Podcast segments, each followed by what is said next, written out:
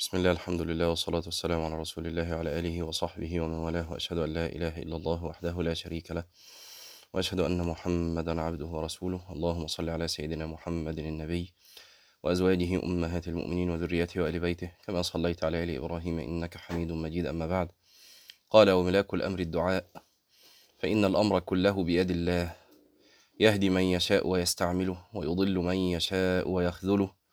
فينبغي لك أن ترغب إلى من الأمر بيده وتفوض أمرك إليه. و يعني أنك ملاك الأمر الدعاء لأنك إذا آه، عرفت قدر نفسك وقدر ربك سبحانه وتعالى عرفت إذا أنه لا لا حول ولا قوة إلا به سبحانه وتعالى. ولذلك كانت لا حول ولا قوة إلا بالله كنز من كنوز الجنة. فأنت لن تتحول عن المعصية ولن تجد قوة لجلب الطاعة إلا به سبحانه وتعالى. ففزع ففزعت إذا إلى الدعاء فكان ملاك الأمر الدعاء. وليكن دعاؤك بخضوع وخشوع وبكاء وتضرع. آه، فإن هذه الحال هي حال من آه، يرجى استجابة دعائه.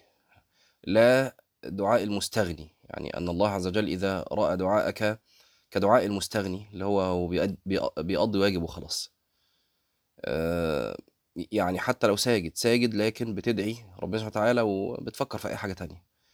لا أنت مستحضر معنى الدعاء يعني بتدعي بالجنة وأنت غير مشتاق للجنة وبتستعيذ من النار وأنت غير خائف من النار حال الدعاء يعني. تسأل الله و- والموضوع عندك سيان هداية ضلال مش فارقة حال الدعاء. فهذا الدعاء آه، يخشى أن يزداد صاحبه من الله بعدا. يخشى عليه. وضربنا لكم المثال قبل كده بواحد واقف قدام ملك من ملوك الدنيا استدعاه وأقامه بين يديه. لأنك لما تصلي الله الذي أقامك بين يديه. فتخيل كده ملك من ملوك الدنيا استدعاك فأقامك بين يديه وأدخلك على جنابه آه، لتسأله حاجتك. وبعدين وانت بتسأل حاجتك بقى لقاك عمال تبص ورا ويمين وشمال وفي السقف وت... وتسرح في النجف وفي التحف وفي ال... الأثاث اللي موجود آه، هيعمل فيك إيه الملك ده؟ هيطردك مش كده؟ يعني آه، ربما قبل دخولك عليه لو كان آه، ليك عنده نوع حظو أو شيء بعد الدخول ومشاهدته لك تفعل هذه الأمور هتزداد منه بعدا ولا قربا؟ ولله المثل الأعلى. الصوت كويس يا جماعة عندكم؟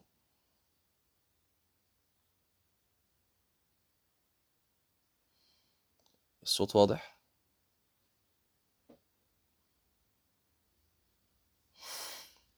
طيب الصوت واضح الحمد لله. ف فليكن دعاؤك إذا بخضوع وخشوع وبكاء وتضرع. فإن بعضهم قال إني لأعلم حين يستجيب لي ربي عز وجل. إذا وجل قلبي واقشعر جلدي وفاضت عيناي وفتح لي في الدعاء. ولذلك قال بعضهم ما ألهمك الدعاء إلا وهو يريد أن يستجيب لك.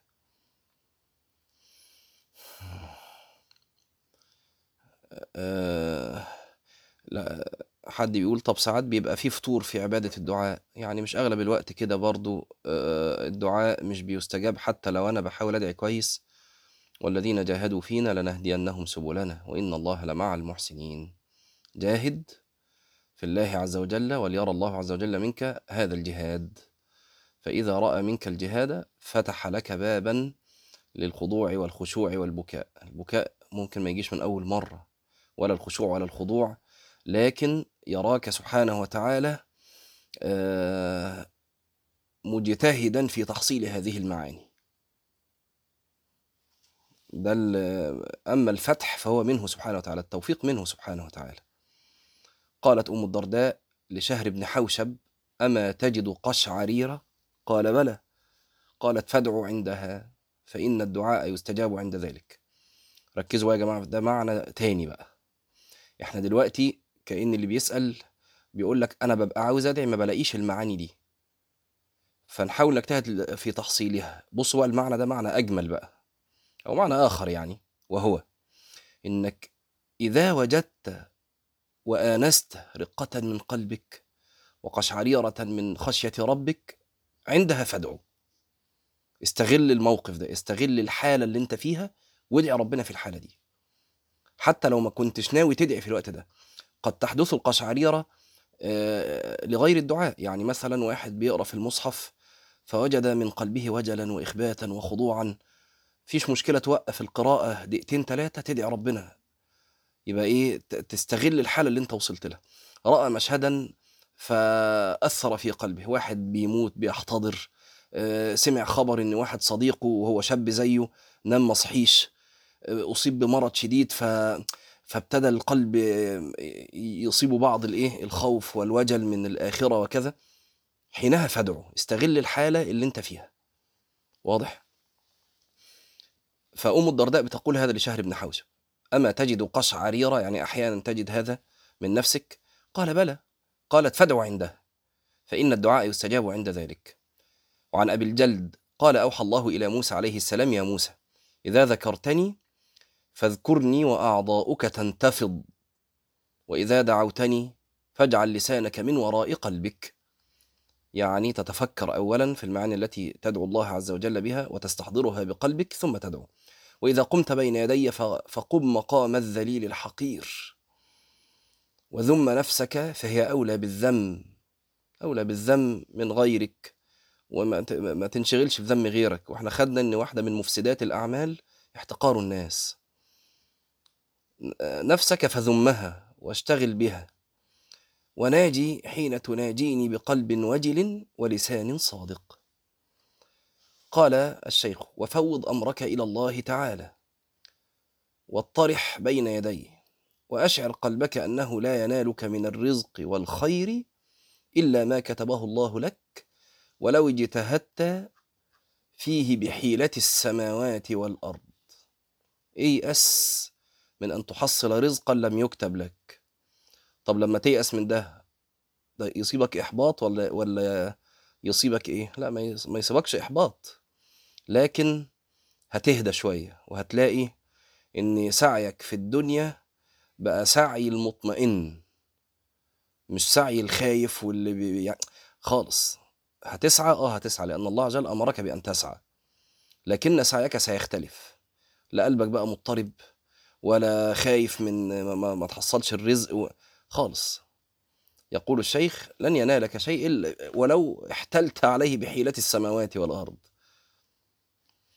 ولا يجري عليك ما تكرهه إلا ما كتبه الله عليك ولو اجتمع عليك من في السماوات والأرض. شوفوا يا جماعة والله الإيمان بالقدر حاجة عجيبة في اطمئنان القلب. عجيبة يعني لو قلت إن من واجبات الوقت اللي إحنا بنحيا فيه ده ترسيخ عقيدة الإيمان بالقدر ما أبعد. لأن إيه أكبر مرض صايب الناس دلوقتي؟ هو ده الاكتئاب والخوف من بكرة والدولار بيغلى والناس بتتفنش في الشغل و... لو ترسخت فينا عقيدة ال- الإيمان بالقدر لاطمأنت قلوبنا. ومن يؤمن بالله يهدأ قلبه كما في قراءة عكرمة. قراءة شاذة. لكنها جميلة. ومن يؤمن بالله يهدأ قلبه. قراءتنا طبعا ومن يؤمن بالله يهدي قلبه. من يؤمن بالله قالوا من يؤمن بقدر الله. في مضاف محذوف هنا. خلاص؟ ومن يؤمن بقدر الله يهدأ قلبه. هتعرف إن ما أصابك لم يكن ليخطئك وما أخطأك لم يكن ليصيبك. وهتعرف إن لو اجتمعت الإنس والجن على أن يضروك بشيء لن يضروك إلا بشيء قد كتبه الله عليك. لا بقى مديرك ولا محافظ ولا ضابط ولا رئيس ولا ولا أي حد لن يضروك إلا شيء قد كتبه الله عليك. رفعت الأقلام وجفت الصحف. قال ولا يجري عليك ما تكرهه إلا ما كتبه الله عليك ولو اجتمع عليك من في السماوات والأرض. فإن ما أصابك لم يكن ليخطئك وما أخطأك لم يكن ليصيبك. واعلم أن من هو في البحر ركزوا معايا في الحتة دي مهمة جدا. واعلم أن من هو في البحر على لوح ليس هو بأحوج إلى الله تعالى وإلى لطفه ممن هو في بيته وبين أهله وماله. إيه رأيكم بقى؟ واحد تخيلوا المشهد ده. ما أعرفش منكم اللي سافر في البحر اللي سيبكم من اللي بيروح يعوم. لا اللي سافر في البحر. يعني يبقى كده في وسط في السفينة في وسط البحر يبص يمين وشمال وقدام وورا مش شايف غير بحر. منظر مرعب بالذات لو بالليل. تخيل بقى في هذا المشهد المرعب اللي منكم سافر في البحر يعرف ده كويس يعرف المشهد ده قد إيه مرعب. قد إيه مرعب. وبعدين كسر بك المركب. وقدرك لقيت لوح خشب فمسكت فيه متشعبط فيه لغاية ما إيه تأتي النجاة. كيف حالك عندها؟ كيف هي حاجتك إلى الله وإلى لطفه. أو هنا شيخ بيقول واعلم أن من هو في البحر على لوح ليس هو بأحوج إلى الله تعالى وإلى لطفه ممن هو في بيته وبين أهله وماله. اهو المفروض آه هذا الاحتياج وهذه الفاقة التي تجدها في قلبك إلى الله عز وجل وأنت على لوح في عرض البحر تكون حالتك وأنت في بيتك وبين أهلك. خلاص. وقال بعض السلف يأتي زمان آه آه لا ينجي لا ينجي فيه إلا دعاء كدعاء الغريق أو حاجة زي كده. يعني لو حد يبحث عنها بكلمة مثلا إيه إلا دعاء كدعاء الغريق ويجيب لنا الأثر ده. يعني إيه دعاء كدعاء الغريق؟ يعني واحد خلاص بيغرق. هيدعي ربنا إزاي؟ حال قلبه إيه وهو بيدعي؟ فهنا بيقول ليه بقى؟ فإن الأسباب التي ظهرت له بيد الله تعالى كما أن أسباب نجاة هذا الغريق بيده. يعني وأنت في بيتك وبين أهلك أنت ليه مطمئن يعني؟ ليه مطمئن؟ أنت مطمئن لأن قلبك ركن إلى الأسباب. يعني إيه ركن إلى الأسباب؟ قلبك ركن إلى حسابك في البنك وإلى الأربع حيطان اللي لمينك وقويينك وإلى سخان المية اللي عندك اللي أنت متأكد لما هتقوم وتفتح الحنفية هتنزل لك مية سخنة في عز التلج. وإلى السيارة اللي واقفة تحت البيت ففي أي حالة طارئة هتنزل تلاقي عربيتك تحت البيت تاخدها وتمشي. قلبك ركن إلى الأسباب. طيب هذه الأسباب بيد من؟ بيد الله عز وجل. فلو شاء لسلبك تلك الأسباب في لحظة. في لحظة. فأنت ليه مطمئن كده؟ يعني ليه اطمأننت بوجود الأسباب لركون قلبك إليها؟ أو إحنا بقى عاوزين نعمل إيه يا جماعة؟ عاوزين نوصل للحالة دي. حالة أن وجود السبب و... وانعدامه سيان. يعني إيه سيان يعني؟ يعني يعني إيه وجود السبب وانعدام السبب سيان؟ يعني في قلبك. يعني إيه برضه؟ يعني إذا وجد السبب وإذا عدم السبب فالقلب متوكل على الله عز وجل غير راكن إلى سبب من الأسباب. خالص. مفهوم؟ هو ده الحال اللي هو شيخ بيقول لك عاوزين نوصل لها. الأسباب اللي في إيديك دي كلها في إيد ربنا. كم مرة مؤمل أنت المية السخنة وبتاع وتقوم تيجي تفتح الحنفية الميه المية قطعة أصلا. مش السخان بايظ ولا ولا ما فيش مية أصلا. كم مرة اعتمد قلبك إن السيارة تحت البيت تنزل دورها ما بتدورش. وهكذا. ودي دروس دي دروس ليك. لو فقهت عن الله عز وجل وتدبرت لما يفعل بك ذلك هو يربيك سبحانه وتعالى. كأنه بيقول لك يا ابن بيقول لك لا تعتمد على الأسباب. قلبك ما يعتمدش على السبب. آه خذ بالأسباب. آه خذ بالأسباب. لكن قلبك مع الرب سبحانه وتعالى. أخوك أخوكم هو جاب لكم الأثر حذيفة يقول يأتي على عليكم زمان. لا ينجو فيه إلا من دعا دعاء الغريق. حذيفة ده يا جماعة ليه خصيصة كده يعني؟ عشان لما يقول ال ال ال الأثر ده نبقى فاهمين يا حذيفة إيه الخصيصة بتاعته؟ حد يعرف؟ يعني حذيفة منين عرف إن هيجي زمان لا ينجو فيه إلا من دعا كدعاء الغريق؟ آه, آه حذيفة خصه النبي صلى الله عليه وسلم بأحاديث الفتن أحسنت. حذيفة خصه النبي صلى الله عليه وسلم بأحاديث الفتن. فحذيفة لما يقول الكلام ده هو فاهم بيقول إيه؟ خلاص يأتي عليكم زمان لا ينجو فيه إلا من دعا دعاء الغريق. ماشي؟ آه ف نسأل الله السلامة من كل فتنة.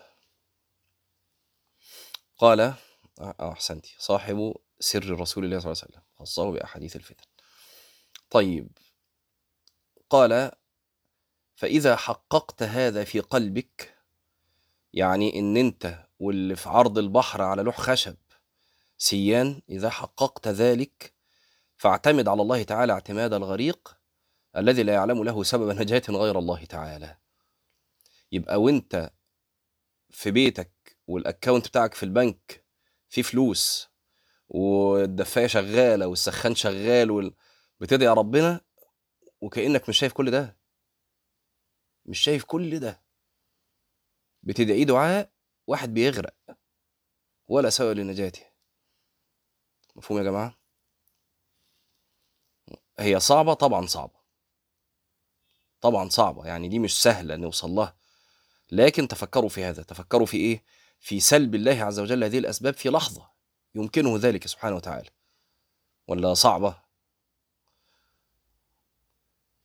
قال أو ما لا يسلبك الأسباب. الأسباب موجودة أهي وكل حاجة لكن يمنعك من استعمال تلك الأسباب ب ب ب بطريقة أو بأخرى. يعني في حاجات كتير ممكن تحصل يا جماعة.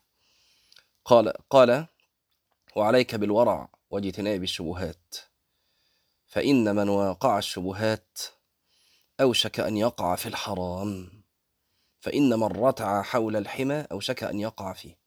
يشير إلى حديث آه كالراعي يرى حول الحمى يوشك أن يرتع فيه. إيه معنى الكلام ده يا جماعة؟ بسرعة كده عشان نفهم الحديث ده. النبي صلى الله عليه وسلم يقول من وقع في الشبهات وقع في الحرام. كالراعي يرى حول الحمى يوشك أن يرتع فيه. ألا وإن لكل ملك حمى ألا وإن حمى الله محارمه. يعني إيه لكل ملك حمى؟ عشان نفهم الحتة دي يا جماعة. عارفين ال ال ال البهائم لما بتطلع ترعى بتروح ترعى في أرض فيها كلأ وعشب وكذا. كان زمان الملك من الملوك يقوم يجي يحمي حمى له يا إما لنفسه ترعى فيه بهائمه بهائمه هو ومواشيه هو حمى ليه هو خاص بيه. أو ملوك بقى المسلمين كانوا ممكن يحموا حمى لبهائم الصدقة. خلينا في الملك اللي بيحمي حمى لنفسه لأن ده المقصود. تخيلوا كده ملك راح جاي على حتة وقال الحتة دي بتاعتي بتاعت بهائمي أنا. تخيلوا كده الحتة دي هتبقى يعني خصبة ولا حتة جدبة يعني ما فيهاش ما بتطلعش كلأ وكده. أكيد هيجي على أخصب حتة وياخدها لنفسه صح؟ طيب السؤال الثاني هو الخصوبة دي فجأة بتنقطع؟ يعني يعني لو الملك حط سور تخيلوا كده سلك شائك كده دائرة وقال لك الحتة دي بتاعتي اللي هي تقريبا هتكون أخصب حتة. هل يعني متخيلين إن جوه السور أخصب ما يكون وفجأة كده بره السور جدب وقحط. ولا الخصوبه دي بتروح واحدة واحدة؟ يعني كل ما تبعد عن السور تبتدي الخصوبه تقل. فكأن جنب السور من بره في برضه إيه؟ كلأ وعشب وحاجات كده. مفهومة دي؟ طيب يقوم يجي الرعاة يعملوا إيه؟ بالمواشي بقى بتاعتهم. يرعوا فين؟ جنب السور من بره. يجوا يرعوا جنب السور من بره. كل واحد يجيب البهايم بتاعته ولا الغنمات بتاعته يروح جنب حمى الملك. ليه؟ لأن الحتة دي خصبة. هو صحيح ما دخلش جوه الحمى لكن زي ما قلت لكم الخصوبة مش بت... مش فجأة بتنتهي. فيروح رايح يرعى جنب فين؟ جنب الحمى ده. خلي بالكم إن المواشي دي لو دخلت ولا الغنم ده لو دخل فيها موته. ده حمى الملك. طيب. فالنبي بقى عاوز يقول إيه في الحديث ده؟ قال من وقع في الشبهات وقع في الحرام ربنا سبحانه وتعالى جعل لك دائرة سماها الحرام. دي ما ينفعش تدخلها. وصيانة لك وحماية لك من نفسك عمل إيه ربنا سبحانه وتعالى؟ خلى في دايرة أوسع منها شوية. أوسع من الحرام سماها المكروهات. قال لك بلاش تخش في دايرة المكروهات دي. ودايرة أوسع شوية من المكروهات هيسميها خلاف الأولى مثلا. خلاص؟ والخلاف الأولى ده برضه لفظ يستخدمه الفقهاء. ما وصلش للمكروه لكنه خلاف الأولى. خلاص؟ تقوم أنت المفروض لو أنت عاوز تحافظ على دينك ما تقربش من خلاف الأولى ده. طب قربت. نقول لك طب خلي بالك ما تخشش في المكروه. طب دخلت شوية وهتقع في الحرام. والحرام ده بقى لو عملناه كمان دواير فهتلاقي الحرام ده دايرة كبيرة شوية اسمها الصغائر دايرة أصغر شوية جواها اسمها الكبائر وهكذا. كل ما تقرب شوية وهتقع. يبقى الراجل اللي بيرعى الغنم ده حوالين حمى الملك. شوية هيغفل عن غنمة من الغنمات هتروح داخلة. فالملك هيجيبه ويقتله. كذلك أنت. من وقع في الشبهات وقع في الحرام كالراعي. فهمتوا بقى المثال؟ يرعى حول الحمى يوشك أن يرتع فيه. شوية ويخش الحمى. ألا وإن لكل ملك حمى. ألا وإن حمى الله محارمه يبقى الواجب عليك إيه؟ ابعد عن الحمى خالص. ما تقربش من الحمى. مش ده مكروه يبقى يتعمل وده مستحب يبقى يتساب ودي فيها شبهة فنجيبها ونعملها. خلاص ما هو شوية وهتقع في الحرام. طيب. قال ال ال الورع قالوا هو ترك ما يخشى عاقبته في الآخرة. ده معنى الورع. هو يعني مش هيسيب هو مش حرام اللي بيسيبه لكن في شبهة. فيتركه تورعا. يبقى الورع تعريفه كده. ترك ما تخشى عاقبته في الآخرة. خلاص؟ سبحان الله لسه قاري أثر للإمام أحمد. لسه امبارح يعني كنت بقرأ في كتاب فقريت أثر فيه نوع ورع والإمام أحمد كان سيدا في الورع كان إماما في الورع الإمام أحمد بن حنبل. واحد جه بيسأله عشان بس يفهموا يعني إيه ورع يعني. زمان كانوا أما يجوا يغسلوا ميت يقوموا يغس... يسخنوا المية يدفوا المية علشان يغسلوا بيها الميت ده. فجه سأل الإمام أحمد طب إحنا دفينا المية وغسلنا الميت ده اتبقى شوية مية. ترى أن الغاسل يغتسل بهذا الماء؟ يستخدم المية ده يغتسل هو بيها بقى بعد ما غسل الميت؟ فقال لا. فقالوا ما فيش مية تانية ليس هناك ماء غيره ما فيش مية طب غير دي قال ينتظر حتى يبرد يعني الماء ثم يغتسل ده قمة الورع يعني إيه؟ يعني أن هذا الماء لما سخن سخن لأجل الميت فمين قال لك إن اللي سخن المية دي سامح لك إنك ت... إنك تستخدم المية اللي سخنها ما هو التسخين ده كان زمان بفلوس وقود وبتاع. يعني شوف الإمام أحمد ورع حتى في حاجات بسيطة إزاي ده بقى معنى الورع ماشي؟ الحاجة اللي تخاف منها سيبها مش تقتحمها. قال وعليك بالورع واجتناب الشبهات فإن من وقع الشبهات أو شك أن يقع في الحرام فإن من رتع حول الحمى أو شك أن يقع فيه وعليك بالليل فاخل فيه بربك واطلب منه حوائجك وتضرع إليه واخضع بين يديه. فإنه يروى أن رجلا قال أتيت بشرا فقال ما جاء بك بشر يعني بشر الحافي. قلت مسألة قال ما هي؟ قلت رجل عليه دين دين كثير لا سبيل له إلى قضائه فقال عليك بجوف الليل. فأتيت أبا عبد الله أحمد بن حنبل فسألته فقال عليك بجوف الليل. قال فدلاني جميعا عليه. سبحان الله أنا لسه كاتب الأثر ده امبارح ما, كنتش قرأته هنا. يعني كنت بقرأ في كتاب تاني أصلا. فقرأت هذا الأثر ونقلته هنا في القناة وعلى الفيسبوك.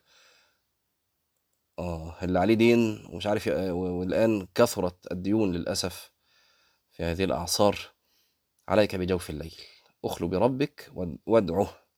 قال فدلاني جميعا عليه. وإذا سألت الله فاسأله وأنت موقن بأنه مطلع عليك ناظر إليك سامع لدعائك قريب منك قادر على إجابتك لا يتعاظمه شيء. وإذا سألته أمرا فاسأله الخيارة فيه فإنك لا تدري ما يكون لك فيه. ما تروحش تسأل ربنا يا رب جوزني فلانة. أو أنت يا رب جوزني فلان.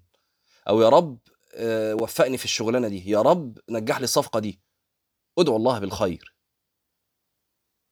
ادعو الله بالخير. ما, ما تقترحش على ربنا سبحانه وتعالى. خلاص؟ والم- والمعنى ده إحنا أسهبنا فيه في رسالة إيه؟ اللهم بعلمك الغيب. وقدرتك على الخير وقدرتك على الخلق عفوا. أسهبنا في المعنى ده. فاللي عاوز يرجع له يرجع له بقى في في الدروس المسجلة في أول درس أو تاني درس تقريبا. قال وإذا سألته أمرا فاسأله الخيرة فيه فإنك لا تدري ما يكون لك فيه. وعسى أن تكرهوا شيئا وهو خير لكم وعسى أن تحبوا شيئا وهو شر لكم والله يعلم وأنتم لا تعلمون. وإذا شاء الله تعالى أعطاك رغبتك وخار لك في ذلك فيجمع لك بين الأمرين يديك يعني يديك سؤلك وما تتمناه ويكون الخ- الخيرة فيه. فإن لم يعجل لك الإجابة فلا تيأس من الإجابة ولا تمل من السؤال. فقد روي أن بعضهم قال لقد خار الله لعبد في حاجة أكثر فيها تضرعة واعلم أن الله تعالى إذا نظر إليك وعلم أنك قد جعلته معتمدك وملجأك وأفردته بحوائجك دون خلقه أعطاك أفضل ما سألته. يعني لو نظر إلى قلبك فرأى انقطاعا إلا إليه ورأى التفاتا إلا عنه سبحانه وتعالى ورأى استغناء إلا عنه سبحانه وتعالى يعني استغنيت عن كل شيء التفت عن كل شيء إلا هو سبحانه وتعالى أعطاك. مش بس كده أعطاك أفضل ما سألته وأكرمك بأكثر مما أردته. فإن عجل لك الإجابة فقد جمع لك بين قضاء الحاجة وخير الدنيا والآخرة. وإن لم يجبك عاجلا فقد عوضك عن ذلك خيرا منه فأنت على خير في الحالين. هنا. قولوا قولي هذا واستغفر الله العظيم لي ولكم. سبحانك اللهم وبحمدك نشهد أن لا إله إلا أنت نستغفرك ونتوب إليك. السلام عليكم ورحمة الله وبركاته.